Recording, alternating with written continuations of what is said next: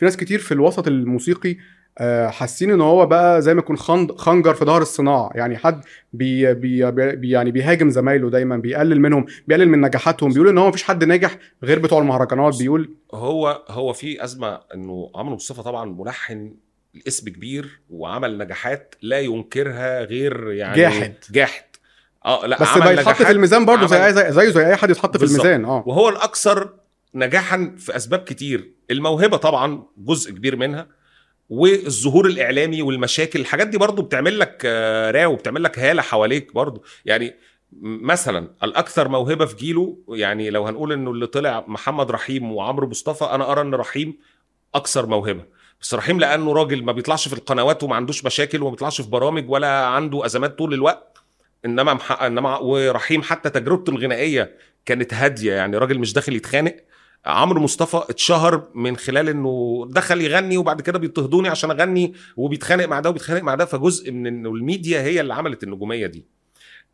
حاجة مشكلة برضو عند عمرو ودي الفكرة بقى سبب الصياح السؤال اللي كنا بنتكلم فيه قبل ما نبتدي. سبب الصياح. آه وأنا عندي تصور. هو عمرو مصطفى طول عمره كان يعني في مشاكل من زمان. أنا فاكر بيتخانق مع عمرو دياب من 2006 على بس كان حاجة. شغال. وكان آه بقى دي اللي أنا جالك فيه يعني كان دايما وكان فاكر حسام حبيب. آه طب 2007 آه، آه، أزمة تامر وشفيقة واتخانق آه. واتخانق مع تامر حسني كتير وبيطلع يجر شكله في برامج كتير من زمان. أقصد هو دايما كان في مشاكل بس في السنتين الثلاثه الأخيرتين النبرة زادت قوي. فليه بقى؟ أقول لك ليه. بص أي ملحن ملحن تحديدا ويمكن شعراء بيبقى ليهم مرحلة توهج فني. عشر سنين مثلا كده فترة بتقص- صلاحية. آه هي يعني نقول عقد مثلا.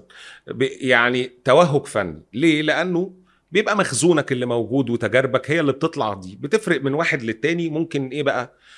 هو مثقف موسيقيا دارس متعلم بيقرا بيسمع كتير سميع. الحاجات دي م. فدي بتزود لك المخزون المشكلة اللي الناس ودي أعتقد هي ال- ال- السر عمرو مصطفى نجاحه ارتبط بتسيد جنرا موسيقية للساحة الغنائية في مصر والعالم في الفترة من 2000 ل 2008 و9 و10 كمان بمعنى إنه genre ال Latin pop بتنويعاتها المختلفة هي اللي تسيدت العالم من أول سنة 98 99 كده لغاية 2010 آه مارك أنتوني بقى وانريكي ريكي مارتن. إجليسيوس وريكي مارتن وجاستن تيمبرليك وكل الأسامي وأليشا كيز وكريستينا إيجيليرا وكل الأسامي دي هي كانوا المتسيدين الموسيقى في العالم وبيعملوا أشكال موسيقية بتنتمي إلى فكرة ال Latin pop اللي هو كل واخد من الجيتارات الأسبانية عشان بس. قصة أنا اللي دخلت الجيت- الجيتارات الأسبانية الأغاني كلها كانت أقرب للحتة ال Latin مصر اتأثرت بده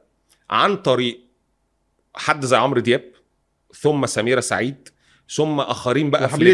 وحميد حميد الشاعري طبعا. ما كان من قبل النجاح حميد أيام من قبل كمان. آه من قبل ال Latin pop. أنا بتكلم على ال Latin pop بشكله الحديث فاللي حصل إيه إنه في المرحلة دي كان عمرو دياب وفنانين تانيين جريوا وراه إحنا عارفين إن عمرو دياب هو دايما اللي بيعمل الموضة وكله بيحاول يقلد في المزيكا ودي قاعدة مش انحياز لعمرو يعني فلما مصطفى قمر كان بيعمل Latin. قمر آه. وكل ما أنا بقول لك وجاب مطرب أسباني غنى غنى معاه دويتو سنة 2000 باين لو, لو آه تفتكر. ال Gipsy King جاب فريق ال Gipsy King غنوا بالظبط معاه. جاب حد معاه آه. ف... فالفكرة في إيه؟ ده اللي كان متسيد ال Latin pop. عمرو مصطفى طلع مع هذه الموجة ال genre دي قدراته التلحينية كلها بتنحصر وبتدور في ده. هيقول لي إن أنا عملت طبعا أنت تقصد اللايلو لايلو أغاني اللايلو لايلو آه، بالظبط اللي آه. هو حتى لو قال أنا عملت أغاني مقسوم فحتى المقسوم ده اللحن وهو بيتلعب من الأول كان بيتلعب على كوردات جيتار مم. والموزعين هم اللي بياخدوا الحتة اللي مقسوم دي معلومة. مم. شغل كتير من مقاسيم عمرو مصطفى كان الموزع هو اللي بيحوله المقسوم. بس هل هو فعلا كان بيلحن على الجيتار حتى لو مقسوم أو Latin؟ هل هو اللي بيلحن على الجيتار ولا هل هو كان بي بيلحن على التوزيعات وال beat والحاجات دي؟ أبقى ظالم لو قلت إنه كان بيلحن على ال beat طول الوقت لكن هو كان فعلا بيلحن على ال beat في حاجات كتير.